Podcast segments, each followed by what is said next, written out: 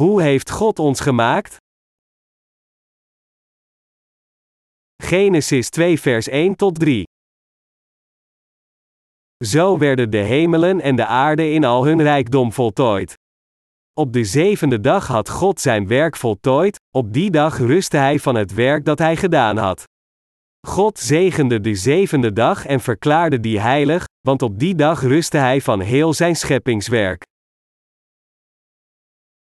Na iedereen gemaakt te hebben, u en mij, het universum gecreëerd te hebben en al zijn scheppingswerk voltooid te hebben, rustte God op de zevende dag.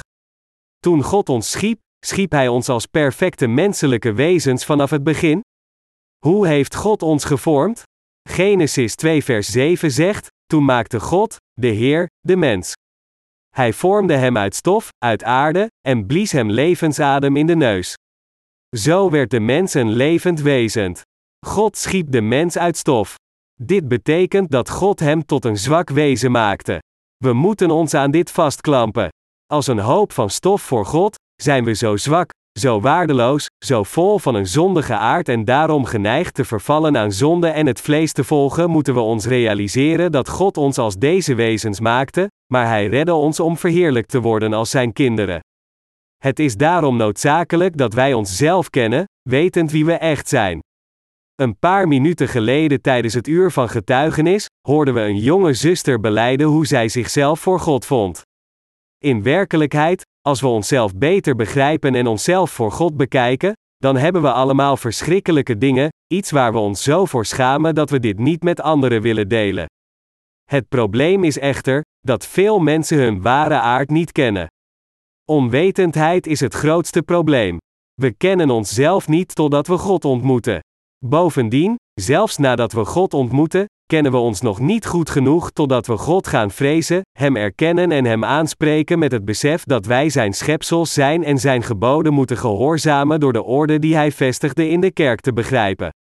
Het is als we God eren, Hem vrezen en Hem gehoorzamen dat wij uiteindelijk onze ware aard gaan beseffen, ik ben een nutteloos persoon die niet anders dan die en die overtreding kan plegen, ik ben zo slecht.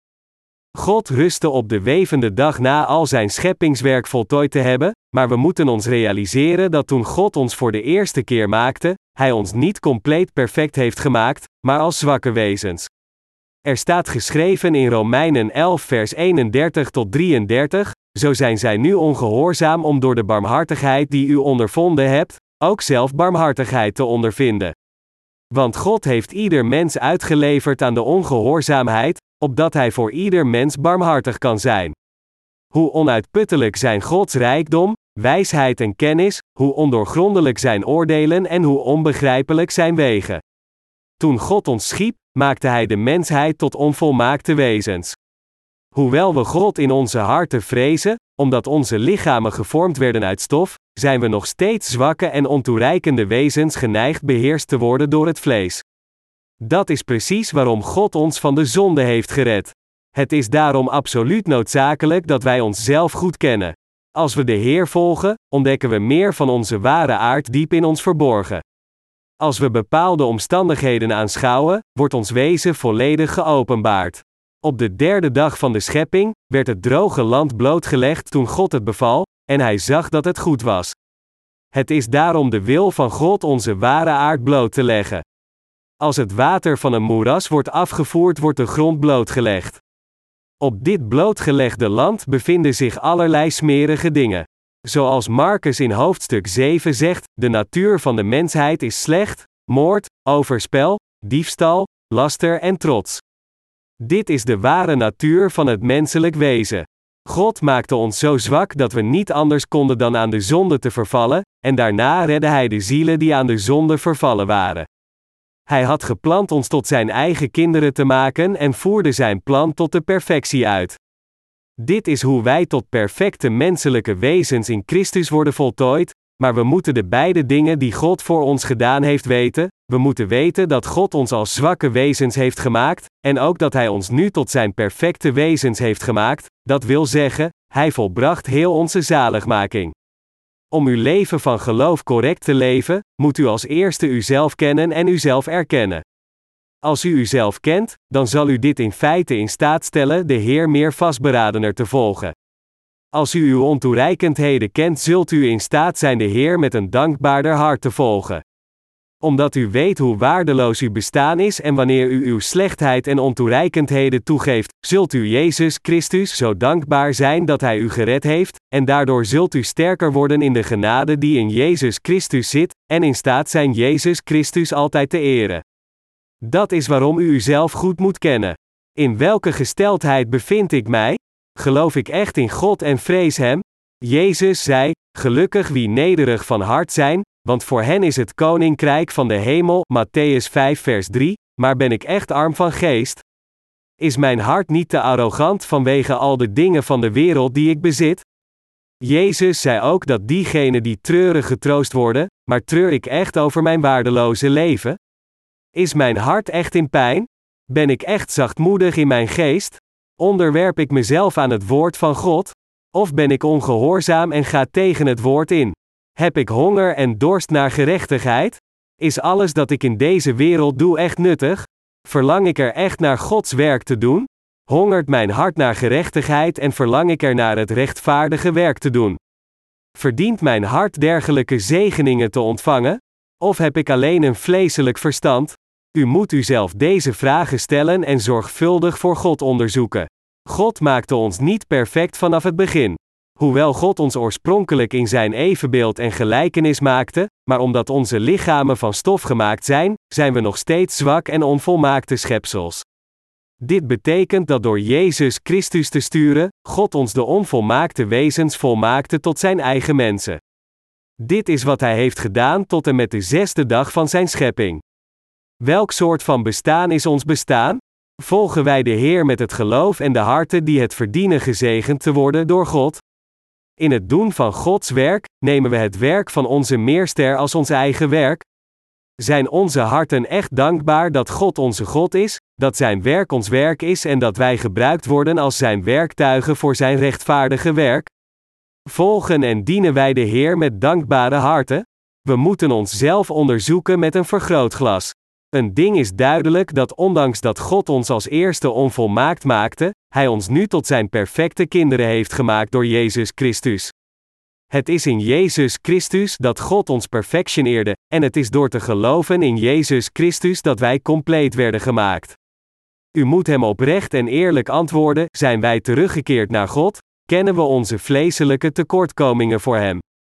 Hebben we geloof? Zijn wij arm in geest?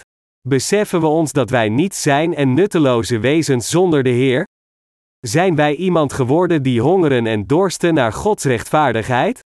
Of zijn we nog steeds niet in staat de werken van de geest van de dingen van de wereld te onderscheiden, zodat wij denken dat de voorspoed van ons vlees het enige belangrijke is, met onze harten nog steeds niet hongerig, nog dorstig naar Zijn rechtvaardigheid, maar vervuld willen worden met de dingen van de wereld? Hebben we echt treurende harten? We moeten ons deze vragen stellen. Onze oude ego's moeten gebroken worden wetend dat wij niets goeds hebben van nature. En we moeten ook beseffen dat wij nieuwe schepselen in Jezus Christus zijn en dat wij een gezegend leven kunnen leven als God het toestaat. Door dit te beseffen, moeten we nieuw gemaakt worden door geloof. Omdat we als eerste uit stof werden gemaakt, waren we niet perfect. Echter, toen God ons de tweede keer maakte, maakte Hij ons met de waarheid van het water en het bloed van Jezus Christus. Als u nog steeds niet zo gemaakt bent, dan moet u nieuw gemaakt worden door in deze waarheid te geloven. Alleen dan kan uw ziel rusten. Net zoals God rustte na ons gemaakt te hebben, moeten wij ook rusten door geloof in Zijn voorzienigheid. We moeten transformeren in God. Alles moet worden veranderd door een vernieuwd hart en vernieuwd geloof. Dat is waarom de apostel Paulus de wedergeborene definieerde als diegene die de nieuwe mens heeft aangetrokken, die steeds vernieuwd wordt naar het beeld van zijn schepper die hem schiep. Colossense 3 vers 10. Na het wedergeboren zijn, vinden sommige mensen het niet fijn om te zien dat hun uiterlijke aard gebroken worden, en dus vervallen zij soms aan de verleiding. Ze waren niet onder de controle van iemand anders voordat zij wedergeboren werden, maar nu zijn ze niet meer vrij om te doen wat ze willen doen, en dus wordt hun trots gekwetst en zij voelen zich beledigd. Ze ontdekken dat zij heftige weerstand bieden. Ze staan niemand toe hen te leiden. Dit alles betekent dat zij feitelijk niet hun vleeselijke aard willen afbreken. We worden vaak zeer defensief over onszelf. Echter, iedereen moet wedergeboren worden door te geloven in het evangelie van het water en de geest, en als we eenmaal zijn wedergeboren, dan moeten ze nieuw gemaakt worden door geloof. Alleen dan komt de ware rust in hun harten. Dit proces van het opnieuw maken of vernieuwen wordt niet voor niets bereikt, maar het wordt in de kerk gedaan, waar men geslagen en gemalen wordt in een vijzel om de zemelen te verliezen om uiteindelijk te veranderen in meelbloem. De Heer zal hen dan overal gebruiken. We moeten al onze oude gedachten, geloof en onze waarden en normen aan de kant zetten. Voorheen waren we blij als wij de armen hielpen. Maar nu dat we in de Heer zijn gekomen, zijn we God dankbaar dat Hij ons gebruikt voor de verspreiding van Zijn heilige evangelie. De harten en het geloof van de wedergeborenen worden nieuw gemaakt door God. Als God mij niet zou gebruiken, dan zou mijn leven waardeloos zijn. En ik zou onvermijdelijk de rest van mijn leven alleen eten en drinken, en iedere andere in de wereld volgen. Maar God gebruikt mij voor Zijn waardige werk en ik ben hier zo dankbaar voor. Als het het woord van God is, dan is het allemaal waar. Het enige waar ik spijt van heb is dat ik al die tijd nutteloos op deze aarde heb geleefd. Maar nu zal ik al mijn gedachten onderwerpen aan de waarheid en ik zal alleen het woord van waarheid volgen. Hoewel ik van tevoren door mijn eigen werk bevredigd werd, nu word ik bevredigd door het werk van de Heer. Als u zo in het woord gelooft, het volgt, toegeeft dat u niets bent, erkent dat God gelijk heeft en uw geest vernieuwd wordt, dan zult u rust vinden in Christus. U zult in vrede rusten. Het werk waar u nu aan toegewijd bent is niet uw werk, maar Gods werk en dus moet u dankbaar zijn dat God u gebruikt als zijn werktuig, dat Hij gebruik maakt van een nutteloos iemand, dat Hij u in staat stelt een zinvol leven te leiden en dat u nu bevrediging kunt vinden in de Heer. U moet gevormd worden tot een heilige en een dienaar met een gezegend hart en gezegend geloof, dankbaar zonder woorden omdat alleen God u toestaat zijn rechtvaardige werk uit te voeren. U moet opnieuw gemaakt worden. Alleen dan kunt u in vrede rusten. Net zoals God rusten na heel zijn wil uitgevoerd te hebben, ook voor ons, het is als we in onze harten accepteren wat God voor ons gedaan heeft en ons foutieve geloof en gedachten wegdoen, dat de ware rust in onze harten komt. Als onze vorige levens voordat we wedergeboren waren rusteloos waren, maar nu dat we zijn wedergeboren, moeten we geloven in en het woord van God volgen, onze waarden en normen veranderen, en ons geloof veranderen, dan zal de rust komen. We zullen vredig zijn. Maar voor dit kan gebeuren, moet u uzelf als eerste goed kennen. Als u niet correct kunt leven zelfs na het wedergeboren zijn, dan betekent dit dat u nog steeds een hoop vlees bent. Het eerste ding dat vereist als u wedergeboren bent, is het verlangen te leven volgens de lust van het vlees. Voordat u onderdrukt werd door uw zonde, was u te timide, maar nu dat uw zonden zijn verdwenen, zult u verlangen alles te doen dat u niet kon doen. Dus diegenen die nog niet zo lang geleden werden wedergeboren ontdekken zichzelf hevig verlangend naar vleeselijke verlangens.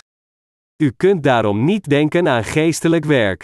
Echter, als we verblijven in de kerk, dan zullen we meer nadenken over het geestelijke werk. Als u het voorbeeld van de voorgangers van geloof volgt die geestelijk voorlopen in de kerk, hongerig naar de rechtvaardigheid en verlangend het werk van God te doen, dan zult u veel dingen van hen leren. U leert van hun voorbeeld, u kunt nooit alleen leren met het woord van God. Als u verblijft in de kerk, dan zult u zien hoe uw voorgangers van geloof Gods werk uitvoeren alsof het hun eigen werk was, en hoe zij altijd dankbaar zijn zelfs in moeilijke tijden, en u zult dan beseffen, oh, zij zijn anders dan ik. Door dit alles, zult u uw voorgangers gaan navolgen, en God zal ook uw hart veranderen. De waarheid is dat als u in het begin wedergeboren bent, u alleen uw eigen vlees wilt volgen. U wilt uw eigen levensonderhoud verdienen en alleen voor uzelf leven, en u zult tegen uw kerkleiders ingaan zeggend: Ik ben gered en dus wie bent u om zich te bemoeien met mijn privéleven?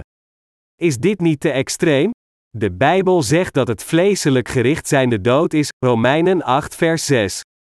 Vleeselijke gedachten gaan tegen de Heilige Geest in, terwijl de gedachten van de Geest tegen het vlees ingaan. Deze twee gedachten staan lijnrecht tegenover elkaar en worstelen met elkaar zodat wij God niet kunnen volgen. Dat is waarom de voorgangers van geloof diegenen moeten leiden die hen volgen. terwijl diegenen die geestelijk jong zijn het correcte leven van hun voorgangers kunnen leren als zij werkelijk het evangelie dienen en vooruitgaan door geloof. De geestelijke jeugd ziet dit en leert door het dagelijkse leven wat het rechtvaardige leven is. Ze beseffen dat hun voorgangers oprecht verlangen dat te doen wat juist is. Ze beseffen, oh, mijn voorgangers in geloof zijn oprecht nederig van geest. Ze kunnen niet bevredigd worden door de dingen van de wereld. Hun harten zijn treurig. Ze worden gekwetst als ik verdwaal. Hoewel zij en ik dezelfde zaligmaking hebben ontvangen, zijn hun harten anders dan dat van mijn. Dit beseffend, leren zij van de voorgangers van geloof en volgen hun voorbeeld, en bereiken daarmee de vooruitgang van hun geloof.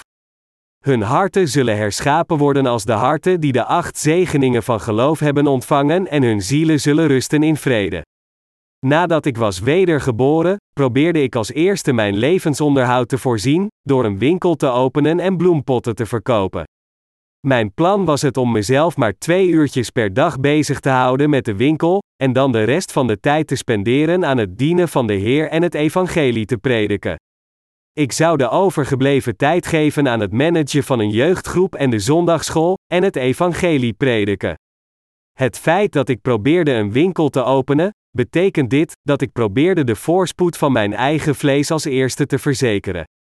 Natuurlijk, terwijl ik mezelf vertelde dat het was om het evangelie te dienen, was ik in feite als eerste aan het denken aan de dingen van het vlees voor de voorspoed van mijn eigen vlees. Ondanks dat de Heer me verteld had als eerste zijn koninkrijk en zijn rechtvaardigheid te zoeken, en het evangelie voor al het andere te dienen, dacht ik als eerste alleen aan het welzijn van mijn eigen vlees. Maar op dat moment besefte ik niet dat dit verkeerd was. Hoewel ik dit zo in mijn hoofd geplant had, wilden mijn lippen me niet met rust laten, en dus deelde ik het evangelie met iedereen die ik ontmoette, en als ik één dag het evangelie niet predikte, voelde het alsof er zweren in mijn mond zaten. Iedere dag predikte ik het evangelie aan talloze mensen, en vele van hen werden wedergeboren. Soms bezocht ik de mensen thuis, ploegde hun harten om door het woord tot aan lunchtijd te prediken, om het evangelie weer naderhand te prediken en uitgenodigd werd voor het avondeten, om rond tien uur s'avonds naar huis te gaan. Ik stopte niet met het evangelie te delen totdat de mensen hun koppigheid opgaven en de evangelische waarheid toegaven. Veel mensen ontvingen dien ten gevolge de vergeving van zonde. Zelfs toen ik het evangelie predikte, was ik niet dankbaar het evangelie te dienen. Ik predikte het evangelie alleen omdat de Heilige Geest mijn hart in beroering bracht en mijn lippen niet stil konden blijven, en toch bedankte ik God toen niet dat Hij mij gebruikte. In ieder geval, diende ik het evangelie trouw. Desondanks maakte ik me vaak zorgen: hoe moet ik mijn levensonderhoud voorzien? Ik wist niet dat dit een vleeselijke zorg was. Echter, God bleef voortdurend in mij werken, en dat is waarom ik het evangelie tot op vandaag heb gepredikt. Zelfs op de dag dat mijn tweede zoon zijn evenwicht verloor en uit het raam viel en stierf, predikte ik nog steeds het evangelie aan anderen, en hun zielen ontvingen de vergeving van zonde. Maar, ondanks dat ik zo predikte, had mijn hart niet echt de honger en dorst voor rechtvaardigheid. Na een tijdje ging ik door een moeilijke periode en ging leven in een kleine stad genaamd Sokcho. Omdat ik niet in staat was het evangelie te prediken door mijn omstandigheden, dacht ik bij mezelf: wat voor een ellendig leven is dit? Ik ben liever dood dan zo te leven. Ik wilde rechtvaardig voor het evangelie leven. Zelfs als ik niet langer een predikant was, maar gewoon een leek, was ik nog steeds gewillig alles te doen als ik maar kon leven voor de Heer. Maar ik had geen plaats om te werken. Sinds de Heer door zijn kerk werkt, konden zielen gered worden en ik kon hen samenbrengen en hen voeden alleen als er een kerk was. Maar omdat er geen kerk was, ondanks dat er iedere dag wedergeborene mensen waren, werden zij aan hun lot overgelaten als onwettige kinderen. In die tijd gaf God me het hart dat hongert en dorst naar rechtvaardigheid. God gaf me het hart dat nederig van geest is, dat treurt, dat zachtmoedig is en dat vervolgd wordt door gerechtigheid. En toen hij mij eenmaal dit hart van de acht zegeningen gaf, Matthäus 5 vers 3 tot 12, vond ik vrede in mijn hart. De rust kwam over mij. Mijn leven was veranderd. Anders gezegd, terwijl ik mijn oude leven voor mezelf had geleefd, is mijn leven nu toegewijd aan de Heer. Dankbaar dat God mij gebruikt als zijn werktuig, veranderde ik mijn hart door te geloven dat het werk van de Heer mijn werk was. Ik vertel u dit verhaal niet gewoon omdat ik een pastor ben, maar om u uit te leggen dat mijn hart fundamenteel veranderd was. Ik had rust en voelde nieuwe kracht in mijn hart. De geschrifte passage van vandaag legt uit hoe God u maakte en hoe Hij zijn werk op de zevende dag voltooide. U moet in uw hart kijken om de staat van uw hart te onderzoeken. U moet uzelf onderzoeken om te zien of u inderdaad iemand bent die honger en dorst naar de gerechtigheid van God, of iemand die alleen honger en dorst om de verlangens van zijn eigen vlees te vervullen, of u rent naar het vlees of de geest. Uw hart moet rechtschapen zijn. Uw hart en mijn hart moet nieuw gemaakt worden door de kennis van de Heer. Er is geen discriminatie in Gods werk, niets is hoger of lager dan iets anders. De kerk is onontbeerlijk. Het bestaat omdat u niet uw vlees kunt afgooien, en omdat de Heilige Geest tegen u spreekt door de kerk, uw hart veroordeelt en u laat leren en begrijpen dat u de leiding van de kerk gaat volgen. Dat is hoe u uiteindelijk een mens van geloof wordt. U verandert in iemand die alleen leeft voor de Heer. God maakt ons tot mensen die hun hele leven aan de Heer toewijden. Hoe dankbaar moeten we zijn omdat wij mensen gebruikt worden als zijn werktuigen voor zijn rechtvaardige werk? Als we gebruikt zouden worden om iemand te beroven, dan zouden we ons schuldig voelen. Maar sinds we gebruikt worden voor het werk van de Heer zijn we blij. Is het niet een prachtige zegening dat God ons gebruikt als zijn werktuigen? Een dienaar van God moet iemand zijn die hongert en dorst naar zijn werk, iemand die nederig in geest is, die treurt en die vervolgd kan worden voor rechtvaardigheid. Hij moet iemand zijn die toegewijd is aan de Heer. U en ik moeten dergelijke mensen worden. Als u de Heer volgt nadat u bent wedergeboren, zult u uiteindelijk uw fundamentele aard ontdekken, beseffend dat u uw vlees meer volgt dan God. Op dergelijke momenten moet u nadenken over datgene wat er met u gebeurt als u uw vlees volgt, en u moet uw fouten toegeven aan God. Als u uw vlees volgt, dan zult u niets meer doen dan te eten en te slapen, om zinloos te sterven. Uw lichaam kan alleen leven als uw ziel als eerste wordt gered. Het is uw ziel die als eerste moet gedijen. Om dit te bereiken, moet u onvermoeibaar werken in de kerk en hun leiding volgen. Het is als u bevolen wordt te werken en u uzelf onderdompelt in Gods werk dat het droesem van het vlees verwijderd wordt en u verandert in puur goud dat bruikbaar is. Terwijl u God zo dient, groeit u op om een mens van geloof te worden.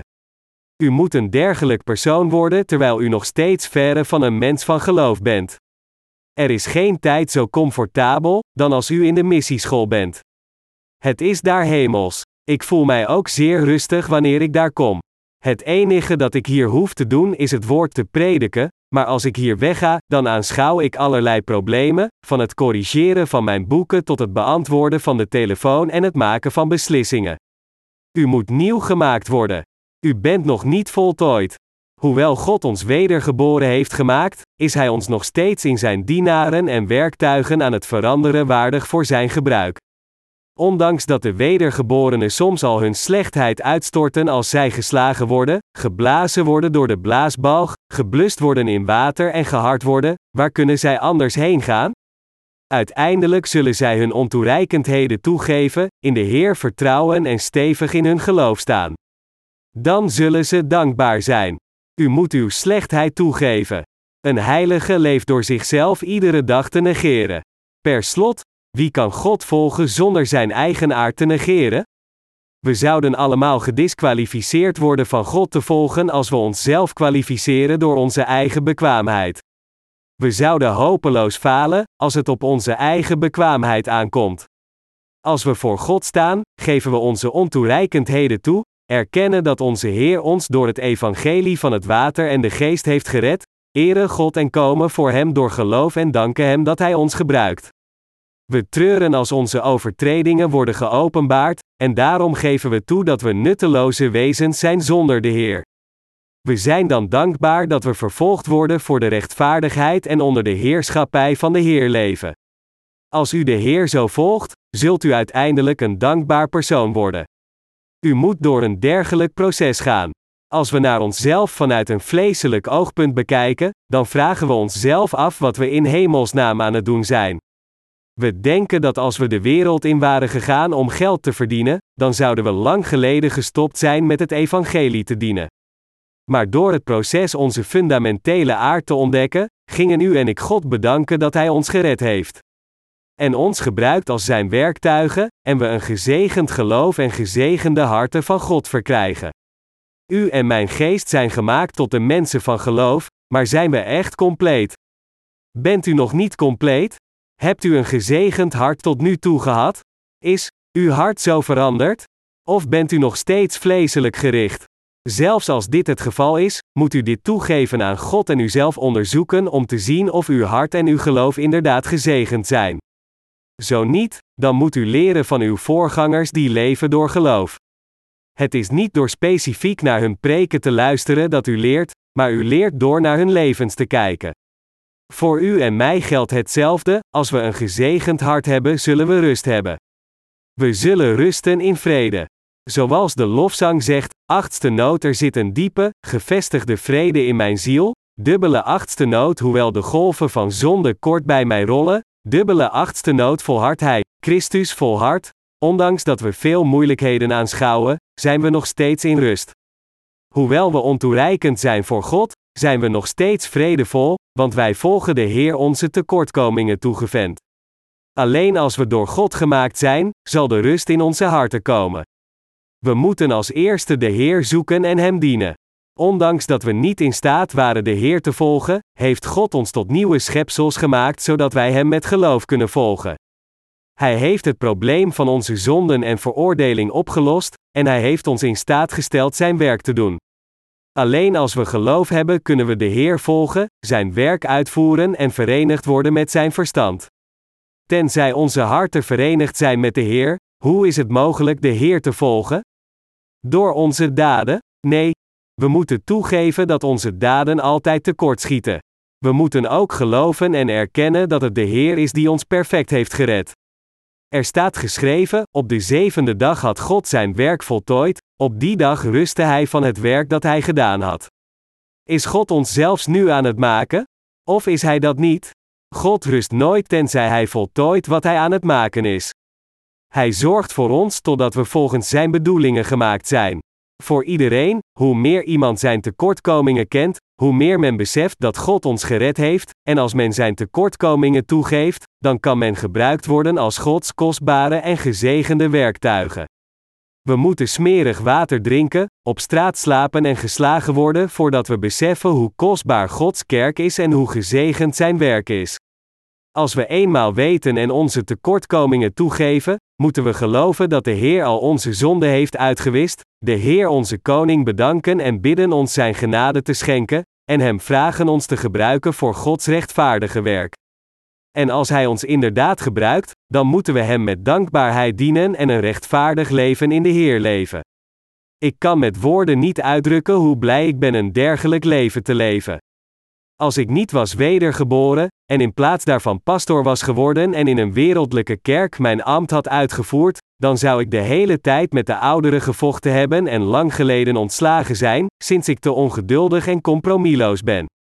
Mij zou het geestelijke ambt ontnomen zijn en ik zou verdreven zijn, om mijn levensonderhoud te voorzien als een groenteverkoper. Ik zou vloeken terwijl ik groente verkoop. Ik zou zeggen: luister niet naar hen.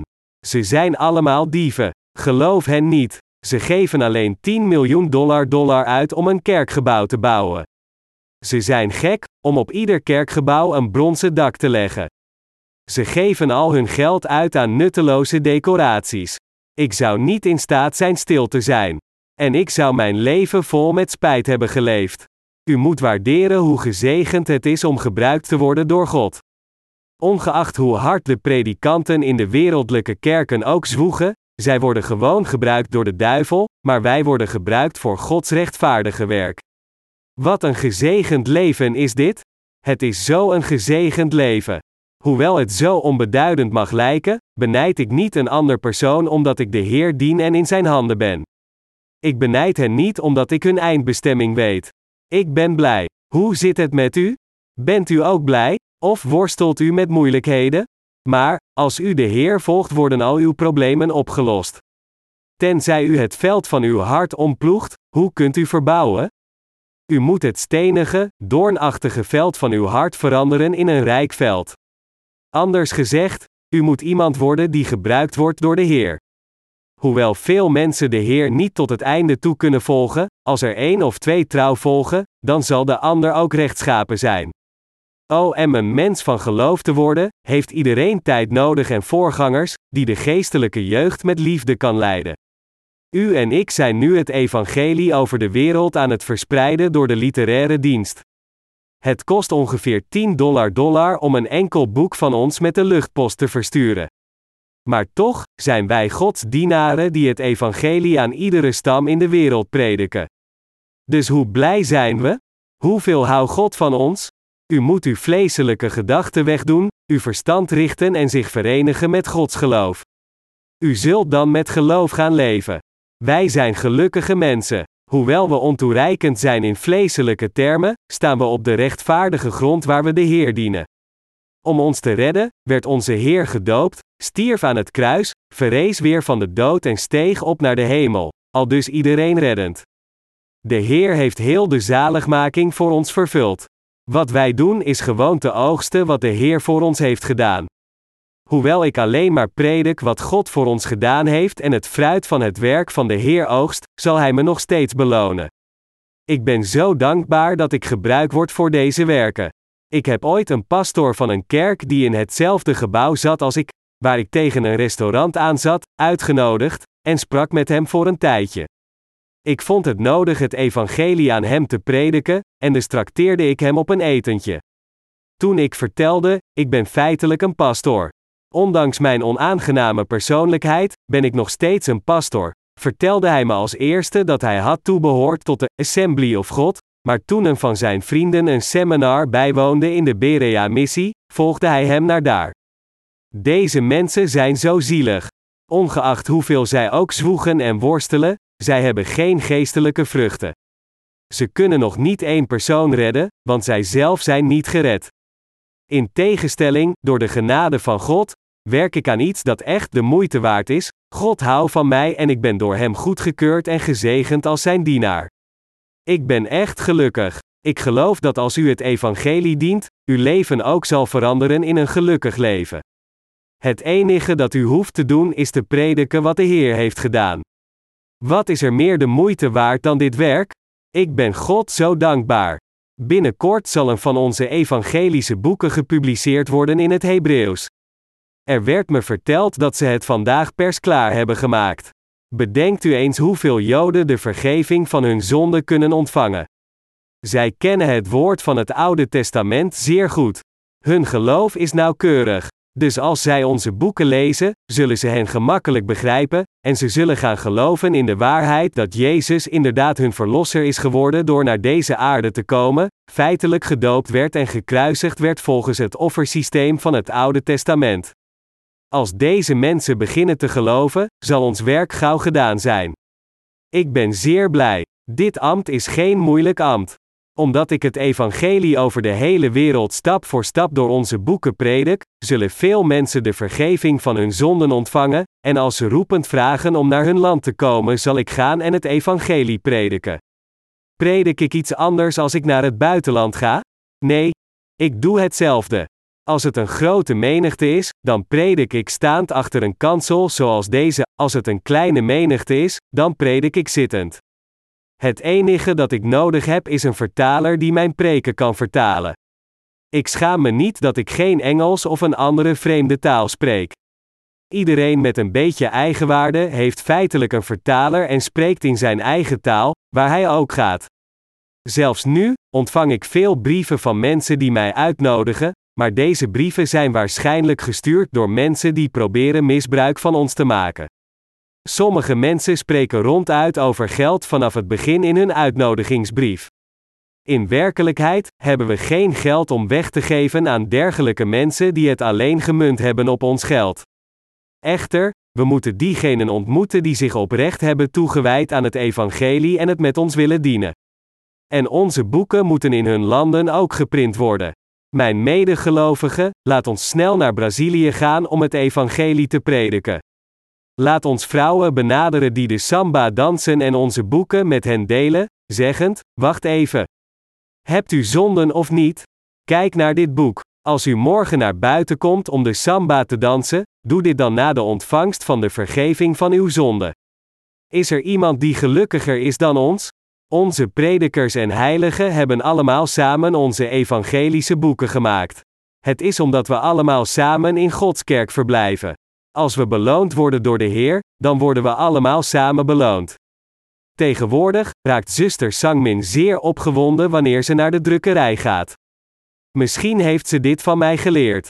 Ze kan niet anders dan opgewonden te raken omdat de mensen daar vaak de deadline niet halen en geen respect hebben voor Gods werk.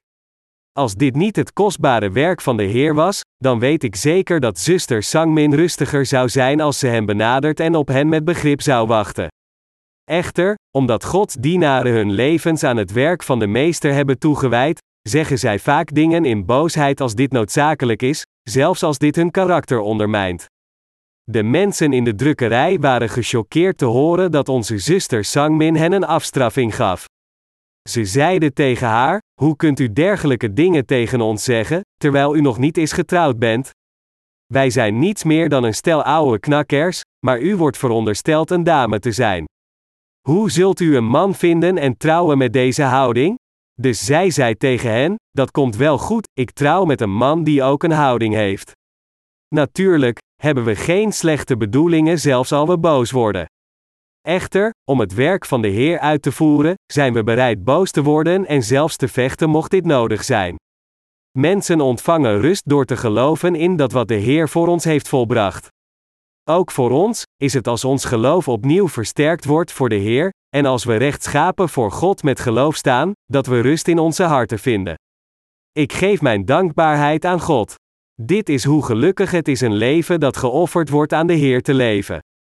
Ik dank God dat ik nu in staat ben te denken aan Zijn werk en er heel de tijd voor te bidden, vanaf het moment dat ik opsta in de ochtend tot het moment dat ik naar bed ga, op ieder en elk moment.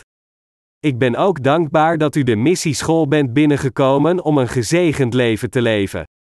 Ik ben zo gelukkig en blij. Ik heb de ware rust in mijn hart. God heeft ons gezegend en heilig gemaakt. Is dit waar of niet? Natuurlijk is het waar. In de kerk is er niets dat nutteloos is, nog iets dat ooit te vergeefs is. Vandaag stuurde prediker Jung, die de leiding heeft over de distributie, 15.000 van onze boeken naar de Verenigde Staten in een container. Iedereen die een van deze boeken leest, zal zeker de vergeving van zonden ontvangen. Wie wist dat wij gebruikt zouden worden door God als zijn werktuigen? Niemand had zich dit voorgesteld. Wist u dat u gebruikt zou worden voor dergelijke werken? Er zijn zoveel verwaande valse profeten, en zelfs op dit moment slaan deze schurken op de kansel en roepen: Ontvang het vuur. Ontvang de Heilige Geest. Dergelijke mensen zouden ons niet geloven als we hen vertellen dat we evangelische boeken hebben gepubliceerd in het Engels. Ze zouden ons waarschijnlijk beschuldigen van het kopiëren van de preken van beroemde predikers. Dat is omdat zij zelf de preken van anderen gebruiken. Ik ben vredig en gelukkig. Ik bereikte een dergelijke rust en dankbaarheid niet in een enkele dag. Ik was half dood toen ik dit geloof verkreeg. God heeft mij gedisciplineerd en verfijnd. Sinds er niemand anders in deze wereld was die hetzelfde geloof had als ik, kon ik met niemand broederschap hebben zelfs toen ik er naar verlangde. Alleen in de wereld ging ik naar de kust en vergoot daar meer tranen als ik mij kan herinneren. Ik heb ook veel geestelijke gevechten gevochten. Ik schreeuwde het uit aan de kust, ik huilde hardop naar de Heer en bad naar Hem. En ik liep door de hele stad, posters ophangend waarop stond: Ik zoek medewerkers die samen met mij het evangelie willen dienen. Ik sprak en bad serieus naar God om mij toe te staan te beginnen met de prediking van Zijn kerk, om medewerkers en heiligen samen te brengen, en om me toe te staan een rechtvaardig leven te leiden. God beantwoordde al mijn gebeden. God raakte mijn hart aan, verfijnde het en verwijderde al datgene dat nutteloos was, zodat ik me nooit zou verlagen tot diegene die niet zijn wedergeboren, maar zijn werk van rechtvaardigheid zou uitvoeren. Hetzelfde geldt ook voor u, God zal u zonder twijfel ook verfijnen. Als u niet gedisciplineerd wordt terwijl u de missieschool bijwoont, dan zal hij u disciplineren nadat u afgestudeerd bent. Hij zal u disciplineren totdat u genoeg gedisciplineerd bent. U moet goed getraind worden door God en Hem met geloof volgen. De rust zal uw kant opkomen en u zult alleen voor God werken met een dankbaar hart als uw training voltooid is. Ik geef heel mijn dankbaarheid aan God. Halleluja!